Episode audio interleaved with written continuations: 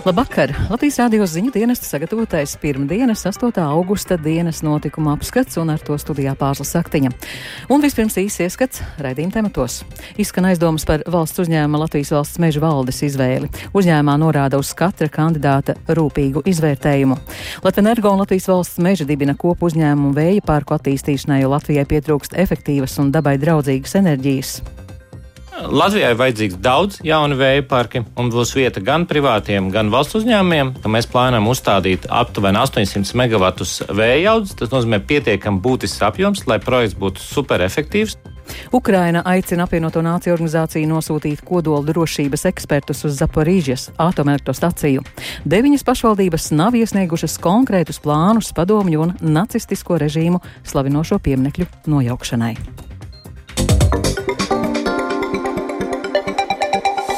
Inflācija jūlijā sasniegusi 21,5%. Salīdzinājumā ar jūniju patēriņa cenas pieaugušas par 2,2%. To aprēķinājusi Centrālā statistikas pārvalde.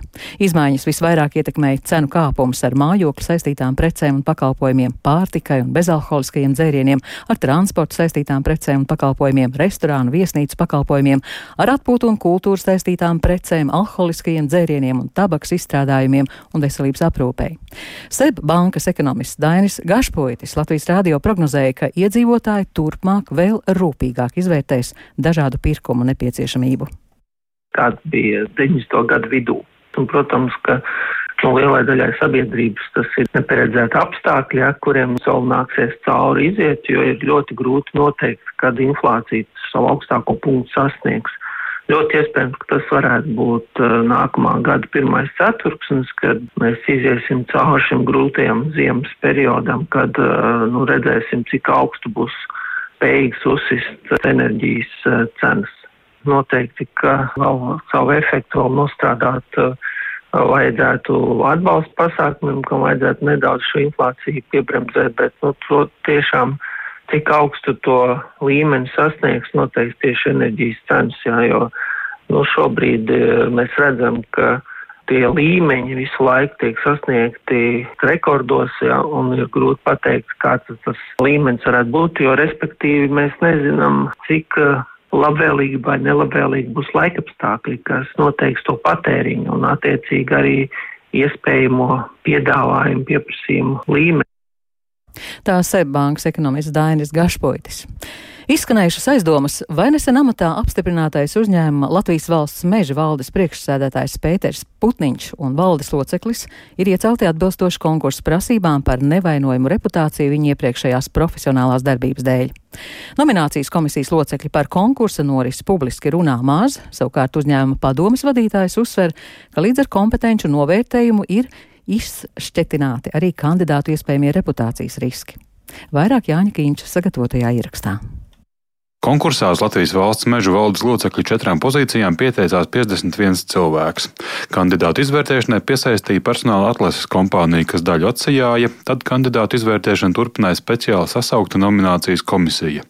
Tajā piedalījās Latvijas valsts meža padomes, zemkopības ministrijas pārisoru koordinācijas centra, Latvijas tirniecības un rūpniecības kameras, kā arī Baltijas korporatīvās pārvaldības institūta un Latvijas mežu īpašnieku biedrības delegāti.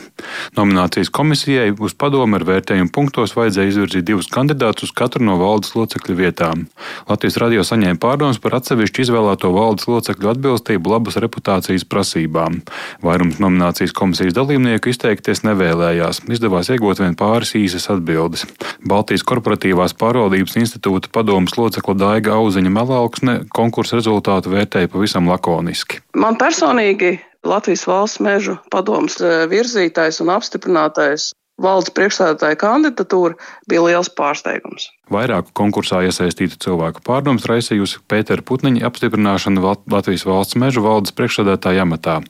Jāatgādina, ka Putniņa 2019. gadā mudināja atkāpties no Finanšu un Kapitāla tirgus komisijas vadītāja amata, par to sniedzot dāsnu kompensāciju 80% apjomā no gada mēneša algas vai virs 86 tūkstošiem eiro. Lai tā notiktu, pat grozīja komisijas likumu. Putniņa toreizējā aiziešana no komisijas vadības saistām ar redzējumu atšķirībām par valdības pieteikumu ieteikto finanšu sektora kapitālo remontu. Tāpat bijušas šaubas par komisijas lēmumiem un noslēpumainību, uz ko norādīja ASV Finanšu ministrijas finanšu noziegumu apkarošanas tīkls. Gan par šiem aspektiem, gan par vadības pieredzi Putniņš esot iztaujāts un savu vērtējumu par kandidātu sniedz arī valsts drošības dienests. Latvijas radio skaidro Latvijas valsts meža padomas vadītājs Edmunds Beļskis. Skaidrs, ka dažādu institūciju amatpersonu vai politiķu viedoklis un redzējums par finanšu nozars nezinu, kapitālā remonta īstenošanas soļiem tā tālāk var atšķirties. Saima attiecīgi lēma par ļoti lielas kompensācijas izmaksu, lai varētu īstenot savādāku finanšu uzraudzības modeli. Mēs tur nesaskatījām, ka tas būtu saistīts ar kādiem reputācijas riskiem. Tā bija vienošanās. Tāpat Latvijas valsts meža valdē nulikā apstiprinātais Toms Reiziņš savulaik bijis par finansēm atbildīgais uzņēmumā Latvijas energoceltnieks. Tas pirms deviņiem gadiem bija iesaistīts konkurences padomas konstatētajā energobūvniecības kartelī. Arī par šiem aspektiem vērsta uzmanība pārunās ar valdes locekļu kandidātiem, apstiprina Beļskis. Tie uzņēmumi, kas ir dažādos uh, konkurences padomus vai tādos lēmumos parādās, tad ir jāvērtē katra persona, kas ir strādājis uzņēmumā, iesaiste un atbildība, ja, ne jau uzreiz visi simts vai tūkstoši vai cik darbinieki, kas tiek uzskatīti par, par vainīgiem un tā tālāk. Līdz ar to attiecīgi arī uz šiem ievēlētiem valdes locekļiem nu, tāda informācija par konkrētām personām netika saņemta. Līdztekus Latvijas valsts meža kandidātu izvērtēšanā pārdomas raisīs vai konkursu kritēriju dēļ nav pārmēr ierobežots izvērtējumu kandidātu lokus. Piemēram, nominācijas komisijas darba rezultātā valdes loceklis vidas aizsardzības jautājumos netika izvirzīts. Savukārt Latvijas mežu īpašnieku biedrības prezidents Inesis Boķis vēl piebilst, ka uzņēmuma vadībā būtu noderējis vēl kāds cilvēks ar pieredzi tieši meža saimniecībā. Protams, ja jūs man subjektīvi prasītu, nu, derēja kāds meškopis vairāk, bet tad ar piebildi, ja, ka viss aparāts jau sastāv lielākoties no meškopiem un, un, un, un menedžeriem transportā un, un izstrādē un tā tālāk. Tā ka tur arī tā valde neko pilnīgi šķīvi nošaut nevar. Par Latvijas valsts mežu valdes izvēlēšanu un kompetenci atbildīgi ir uzņēmuma padome. Tās vadītājs Edmunds Beļskis stāsta, ka tuvāko gadu jauno izaicinājumu lokā ir augu paplašināšana Eiropas mežu stratēģijas ietvaros, atjaunojumās enerģētikas jautājumi par vēja parku būvniecību sadarbībā ar Latviju Energo. Par to atbildīgs būs drīzumā dibināms jauns meitas uzņēmums. Tāpat plānots vietējā tirgu iepludināt plašāku pašmāju šķeldes apjomu, kā arī paplašināt zemes dziļu resursu apguvi, lai nodrošinātu izēvielas lielajiem projektiem kā Rail Baltica un ķekavas apveceļu būvniecībai. Jānis Kincis, Latvijas radio. Latvijas gāzes akcionāri nolēmuši uzņēmumu reorganizēt. Uzņēmumam piederošo sadalījuma sistēmas operatoru GASO nodos jaundibināmai kompānijai. GASO pamatkapitāls sadalīts te 40 miljonos akciju. Visi Latvijas gāzes akcionāri kļūtu par jaundibināmā uzņēmuma akcionāriem. Latvijas gāzes lielākie akcionāri ir Krievijas Gazprom, Margarits fonds, Vācijas Rūrgārs un Itera Latvija. Nodibināts Latvijas energo un Latvijas valsts meža kopuzņēmums Latvijas vēja parki. Tas izveidots, jo Latvijai pietrūkst efektīvas un dabai draudzīgas enerģijas, tādēļ elektroenerģijas cenas ir tik augstas. Tā Latvijas radio skaidro Latvijas energo valdes loceklis Kaspars Cikmačs. Plānots, ka valsts savus vēja parkus izvietos nomaļās vietās, attālāk no apdzīvotām vietām.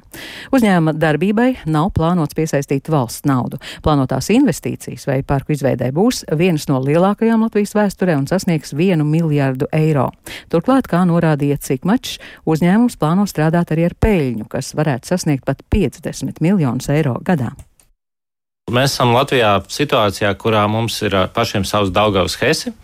Mums arī ir termoelektrostacijas, bet kopumā, ja mēs skatāmies, mums pietrūkst efektīvas un dabai draudzīgas elektroenerģijas ražošanas. Un tas ir viens no iemesliem, kāpēc mums ir lielas elektrības cenas nu, Latvijā un arī visā reģionā. Un, lai šo problēmu mazinātu, nepieciešams jaunas jaudas, un tieši atjaunojamā enerģijas jaudas, nu, tās būtu vēja parks. Tāpēc jau ministru kabinets jau gada sākumā, jau februārī, divas dienas pirms kara sākuma, un vēl tagad jūnijā apstiprināja to, ka Latvija, Latvijas valsts meži kopā Latvijas energo veido uzņēmumu, kura mērķis ir uzbūvēt Latvijas mežos vēja turbīnas. Ar ko šis valsts kontrolējošais uzņēmums būs labāks, piemēram, par to, ko spēj piedāvāt privātie investori? Jo mēs redzam, ir Latvijā vēja parku cilvēki, kas grib tos būvēt, nevienmēr viņiem tas viegli iet. Uh, kur atšķirība?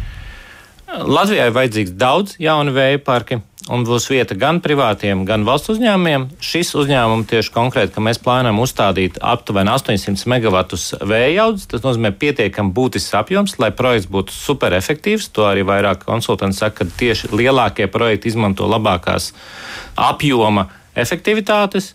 Tā kā projekts atradīsies un vēja turbīnas mežos, tas nozīmē, tās ir nomaļas vietas tālāk no iedzīvotāju acīm, tādā veidā, ka iespējams vairums no cilvēkiem viņas pat ļoti reti pat ieraudzīs.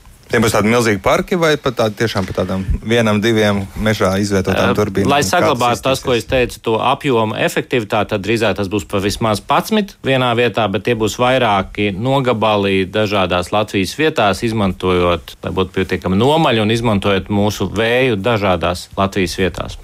Pamatkapitāls 2 miljoni eiro, 80% Latvijas energo, 20% no Latvijas valsts mežiem vēršiem diviem miljoniem eiro pamatkapitāla būs pietiekami, lai plānus realizētu. Šāda līmeņa projektiem ir daudz dažādu etapu. Ir sākotnējs etaps, kas ir izpēta, un tā kā es minēju, viens no mūsu tādiem principiem ir atbildīga uh, izturēšanās gan pret vidi, gan pret sabiedrību. Līdz ar to būtiska daļa ir dažāda veida pētījumi, kurā dažādi eksperti, ornitologi, sikspāņu eksperti, biotopa eksperti, vēja eksperti atrod labākās vietas, kur likt, lai būtu līdzsvars starp vidi un starp tehniskiem ieguvumiem. Un šī fāzē investīcijas nepieciešamas mazākā apjomā nekā vēlākās fāzēs. Būvniecībā būs nepieciešamas papildus investīcijas. Nu, tās arī tiks attiecīgajā fāzē ieguldītas. Nauda, līdzīgi kā daudziem citiem projektiem, lielajiem Latvijas energo, tad ir pirmkārt jau pašu kapitāls izmantotais, nu, kā arī piesaistītais aizdevumi komerckārtā projekta viens no arī tādiem principiem ir tas, ka mēs eh, be, strādājam bez jebkādiem finanses un valsts atbalsta mehānismiem. Nav plānots nekāds maksājums ne no iedzīvotājiem, ne no valsts. Latvijas energo valdes locekli Kasparu Cikmaču iztaujāja Jānis Ramāns.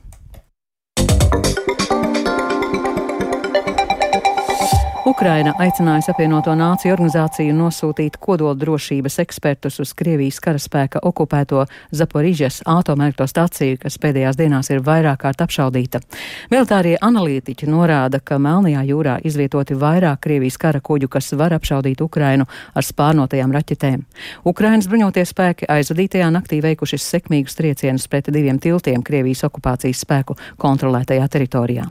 Un vairāk par to, kā aizritējusi kara 160. 66. diena stāsta Uldis Čezberis. Jau vairākas dienas Zaporīžas atomelektrostacijā ir ļoti nokaitēta situācija. Aizvadītajā nedēļas nogalē atomelektrostacijas teritoriju vairāk kārt apšaudīja, un vienā no apšaudēm nopietni cieta infrastruktūra, tāpēc tika pieņemts lēmums atslēgt vienu no strādājošajiem energoblokiem. Ukraina apšaudēs vaino Krievijas karaspēku, kas kopš marta ir ieņēmis Zaporīžas atomelektrostacijas teritoriju. Ukraiņi arī apgalvo, ka iebrucēji spēkstacijas teritorijā glabā smagos ieročus, ar kuriem apšauda Ukrainas armijas pozīcijas. Ukrainas parlamenta cilvēktiesību komisārs Dmitro Lubinets šodien aicināja ANO ģenerālsekretāru un Startautisko atomenerģijas aģentūru nosūtīt kodoldrošības ekspertu misiju uz Zaporižas atomelektrostaciju, pilnībā demilitarizēt spēkstacijas teritoriju un sniegt drošības garantijas tās darbiniekiem un apkaimes pilsētu iedzīvotājiem. Neatkarīgā atomenerģijas eksperte Olga Košārna Krievijas karaspēka rīcību Zaporižas atomelektrostacijā nosauca par šantāžu un provokāciju.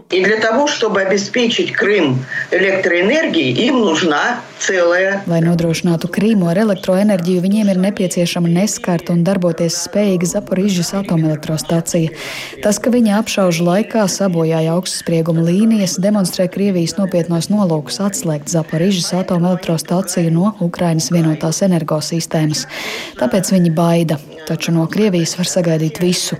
Можно всего угодно, Ukrainas atomelektrostaciju operators Enerho Atom šodien vēstīja, ka Krievijas karaspēks it kā esot mīnējis Zaporīžas atomelektrostaciju un gatavojoties to uzspridzināt. Enerho Atom preses pārstāvji apgalvoja, ka šādus draudus esot izteicis Krievijas bruņoto spēku radiācijas, ķīmiskās un bioloģiskās aizsardzības spēku priekšnieks ģenerālmajors Valērijas Vasiljevs, kurš komandējot Zaporīžas atomelektrostacijā izvietoto garnizonu. Viņš arī esot sacījis, ka atomelektrostacija piederēšot Krievijai vai nevienam. Šo energoatomu izplatīto informāciju pārpublicēja arī vairāki lielākie Ukrainas mediji, taču vēlāk tā no ziņu lapām pazuda, jo visticamāk nav patiesa. Krievija ikdienu turpina apšaudīt Ukrainas pilsētas ar raķetēm. Daudzas no tām izšauja Melnajā jūrā bāzētie Krievijas kara kuģi. Pašlaik Melnajā jūrā atrodoties vismaz desmit Krievijas kara kuģi, kurus var apbruņot ar kalibra tipa spārnotajām raķetēm, paziņojis Kīvas militāri tiesisko pētījumu centra vadītājs Aleksandrs Musijenko. Vēl nesen Melnajā jūrā atradās tikai divi šādi Krievu kara kuģi. Musijenko domā, ka tas varētu liecināt par Krievijas gatavošanos kara nākamajai fāzei, kas koncentrēsies 350 km garā frontes posmā Ukrainas dienvidos. Ukrainas bruņoties spēki aizvadītajā naktī veikuši sekmīgus raķešu triecienus pa diviem tiltiem Krievijas okupācijas spēku kontrolētajā teritorijā. Viens no tiem ir Antonīvkas tilts pie Hersonas, ko Ukrainas armija apšaudīja jau 27. Jūlijā. Toreiz tiltam nodarīja tādus bojājumus, ka Krievijas armija to vairs nevarēja izmantot kā loģistikas un transporta ceļu. Savukārt atkārtotajā uzbrukumā tika iznīcināta tur esošā tilta remontam paredzētā tehnika. Ukrainas drošības dienests esot aizturējis Krievijas spēcdienestu savervētus killerus, kuru uzdevums bijis nogalināt Ukrainas aizsardzības ministru Oleksiju Reznikovu un aizsardzības ministrijas galvenās izlūkošanas pārvaldes priekšnieku Kirilo Budānovu. Par katras personas slepkavību killeriem bija piesolīta atlīdzība 150 tūkstošu dolāru apmērā. Uldis Česberis, Latvijas radio. Somijas galvaspilsētā Helsinkos šodien demontēts Padomju Savienības dāvināts piemineklis miers pasaulē. To Somija saņēma 1989. gadā un uzreiz pēc pieminekļa atklāšanas sabiedrībai tas kļuva par plašu diskusiju objektu. Demontētais piemineklis nu nodots glabāšanā Helsinku mākslas muzejā. Savukārt Igaunijā asas diskusijas izsaukusi iecerē aizvākt pieminekli padomju tanku Narvā. Turpina Vendija Maslabojeva. Padomju Savienības dāvinātais piemineklis Somijai ir 6,5 metrus augsts, un tajā attēloti cilvēki, kuri virs galvas tur vainagotu globusu. Pieminekļa pretinieki to vairāk kārt ir mēģinājuši sabojāt, bet 2010. gadā notika nesekmīgs mēģinājums to uzspridzināt. Pēc Krievijas iebrukuma Ukrainā Somijas sabiedrībā atsākās diskusijas par pieminekļa nākotni. Tas ticis aprakstīts un pie tā atradušies Ukrainas karogi. Par padomju laika pieminekļu nojaukšanu aktīvi diskutē arī Igaunijā. Igaunijas premjerministra Kaja Kallasa šodien devās uz valsts austrumu pierobežas pilsētu Narvu, lai ar vietējiem politiķiem apspriestu pretrunīgi vērtētā tanka T-34 pieminekļa nākotni. Narvā valdošo partiju koalīcija vēlas pieminekli demontēt, bet izskan bažas, ka tas varētu izraisīt plašus protestus un nekārtības pārsvarā krievalodīgo apdzīvotajā pilsētā. Bet Latvijā no 22 pašvaldībām tikai 13 vides un reģionālās attīstības ministrijai iesūtījušas konkrētus plānus padomju un nacistisko režīmu slavinošo pieminekļu demontāžai. Kopumā 69 pieminekļi jānojauc likumā noteiktajā termiņā līdz 15. novembrim. Iesūtītos plānus ministrija turpmāk izvērtēšot, kā arī prasīšot paskaidrojumus pašvaldībām, kas vēl to nav iesūtījušas. Plašāk Sintīs Ambots ierakstā. Līdz šim rītam no 22 pašvaldībām, kurās nojaucami padomju un nacistisko režīmu slavinoši pieminekļi, tikai 13 vietvers ir iesūtījušas konkrētus plānus šo objektu demontāžai vidas aizsardzības un reģionālās attīstības ministrijai. Latvijā kopumā identificēti 69 pieminekļi, kuri jālikvidē likumā noteiktajā termiņā līdz 15. novembrim. Turpina ministrijas valsts sekretāra vietniece reģionālās attīstības jautājumos Ilze Oša. Nu, tad patiesībā sakot, ja pašvaldības atsakās pildīt likumu, tad visticamāk mēs prasīsim paskaidrojumus. Pirmkārt, domas priekšsēdētājiem, vai jautājums ir bijis skatīts. Ja jautājums ir bijis skatīts un deputāti ir um, faktiski lēmuši, ka viņi šo likumu nepildīs, nu, tad tāda paskaidrojums arī domai kopumā, un tad jālem, ko tālāk darīt um, ar šī te likuma nepildīšanas izvērtējumu. Cik tas ir būtisks skatoties kopumā uz pašvaldības darbu un um, kā tas ietekmē nu, patiesībā drošības situāciju valstī. Pašvaldībām minēto pieminekļu nojaukšanas plāni un grafika ministrijai bija jāiesniedz līdz 5. augustam. Kuldīgas novada domas priekšsādātājs vietnieks Artis Roberts norāda, ka novadā ir četri likvidējumi pieminekļi, bet precīzas izmaksas vēl nav lēstas. Tāpat pašvaldības komisija vēl vērtēs arī citu objektu likvidēšanu. No aizķeršanā tīri tehniski neesam nosūtījuši, bet to šodien, es domāju, nosūtīsim. Mums ir četri objekti. Līdz tam laikam, kā ministrs kabinets nosaka, mēs arī visu demontēsim. Viens ir Rēnas pagastā Ozolos, divi ir Gudenieki pagastā, viens ir Ausumas pagastā Almālē. Muzeja darbinieks ir atvaļinājumā, tik līdz viņš atgriezīsies, tā viņš veiks visu to dokumentēšanu. Tad mums divi pieminekļi ir jānodod citām institūcijām. Viens ir valsts okupācijas muzejam, par otru interesi izrādījusi Latvijas Mākslinieku savienība. Savukārt Rēzeknes novada pašvaldība iepriekš lūgusi ministrijai precizēt, vai kādu pieminekli nojaukšanas vietā var pārvietot uz citu vietu. Pašvaldības situāciju komentēt Latvijas radio šorīt atteica, tikmēr Jelzoša norāda, ka par sarakstā iekļautajiem objektiem pašvaldībām vairs nebūtu jādiskutē. Likums paredz obligātu demontēšanu. Tas nozīmē tā, ka tiek likvidēts objekts. Pārvietošana nav atļauta, jo, ja reiz sarakstā iekļautais objekts pēc likuma ir jādemontē un jāiznīcina, izņemot vērtīgās daļas, ko var nodot muzejiem, tad nu, tā arī likums ir jāpiemēro. Likums arī nosaka, ka redzamo daļu ir jādemontē. Pārējiem ir pārējais periods, tātad pazemes demontāža un um, teritorijas sakārtošana var tikt īstenot līdz nākamā gada jūnija beigām, kas ir Rīgas skatījumā. Rīgas domes finanšu komiteja aizvadītajā nedēļā lēma uzvaras pieminekļa kompleksa nojaukšanai novirzīt kopumā 2,1 miljonu eiro. Nojaukšana sāks augustā un pieminekļa redzamo daļu paredzēts nojaukt līdz 15. novembrim. Savukārt Daugaupils domas priekšsēdētājs Andrejs Elksniņš no saskaņas iesniedzis pieteikumu satversmes tiesā apstrīdot likumu, kas liedz eksponēt padomju un nacistisko režīmu slavinošos objektus. Vienlaikus pašvaldība arī lēsusi, ka divu pieminekļu demontāžai Daugaupilī varētu tērēt 300 tūkstošus eiro. Sinti Ambota, Latvijas radio.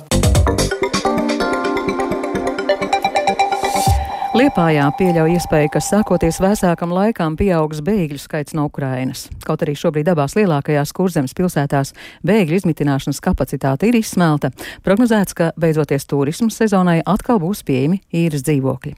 Kāda situācija pašlaik ir Liepājā un Ventspilī, vairāk Ingas Ozols ierakstā. Ventspils bija viena no pirmajām pilsētām Latvijā ārpus Rīgas, kas sāka uzņemt bēgļus no Ukrainas, izmetinot Ventspils augstskolas dienestu viesnīcā. Pašlaik pilsētā ir reģistrēti gandrīz 700 bēgļu. Kāda ir pašreizējā situācija, skaidro Ventspils valsts pilsētas pašvaldības izpildirektora vietnieks Kaspars Vitenbergs. 250 ir izmitināti mūsu dienestu viesnīcā. Covid un studenti bija maz un tam līdzīgi. Un... Pašvaldībai bija arī citas izmitināšanas vietas, kempings un olimpiskais turistiskais centrs, taču sākoties turismu sezonai bija jārēķinās ar veiktām turismu rezervācijām. Savā ziņā ceram, kad uz rudeni, kad beigsies turismu sezona, tad, tad atkal būs, ja tā var teikt, piedāvājums no privātā sektora, kas ir gatavi izmitināt. Tikmēr Liepājā reģistrēti gan arī 1200 Ukrainas iedzīvotāji, kur devušies bēgļu gaitās, taču skaits varētu būt lielāks prognozē pašvaldībā. Liepājā uzņemt vairāk nav iespējams, tāpēc cilvēks novirza uz dienvidu kurzemes novadu, kaut gan arī tur vietu vairs nav daudz. Apstākļus skaidro Liepājas valsts pilsētas pašvaldības pārstāve Agnija Mēniķa. Trūkst izmitināšanas vietu. Liepājai papildus faktors vietas trūkumam ir vasaras sezona, kas ir aktīvā turisma laiks, festivāli un dažādi pasākumi. Principā viss viesnīcas ir arī aizņemtas. Bet, ja runājam par izmitināšanas vietām, kur Liepājā Ukrainas civiliedzīvotāji dzīvo, tad uh, lielākais skaits ir uh, privātās mājsaimniecības, 175, Kopā tur ir izmitināti 450 Ukrainas civiliedzīvotāji. Dažādās vairākās viesnīcās ir izmitināti simts cilvēki aptuveni. Arī pašvaldības dzīvokļos ir 55 personas izmitinātas. Šobrīd intensitāte samazinās, taču visticamāk situācija mainīsies rudenī. Viesnīca šobrīd saka, ka augusta otrā pusē jau vairāk vietu būs brīvas, un mēs. Liepājas pilsētā tiek pielāgota vēl vieta, kur varētu izmitināt bēgļus. Izmantojot valsts finansējumu, tiek pielāgota dienesta viesnīca Siļķu ielā, kur pēc pirmās kārtas jau šajā oktobrī varētu uzņemt aptuveni 60 Ukrainas iedzīvotājus un līdz 100 personām nākamajā gadā. Ingozola Latvijas radio kurzemē. Un ar to izskan dienas notikuma apskats. Producents Viktors Pupiks ierakstus montēja Krišāns Tikāns par labskaņu rūpējās Mārtiņš Paeglis, ar jums runāja Pārslas Saktiņa. Vēlīs par svarīgāko. Gada inflācija jūlijā sasniegusi 21,5%. Latvijas energo un Latvijas valsts meža dibina kopu uzņēmumu vēja parku attīstīšanai. Ukraina aicina apvienoto nāciju organizāciju nosūtīt kodoldrošības ekspertus uz Zaporīžas atomelektrostaciju. Šī raidījuma atkārtojums raidierakstu platformās kā dienas ziņas un Latvijas radio mobilajā lietotnē. yeah.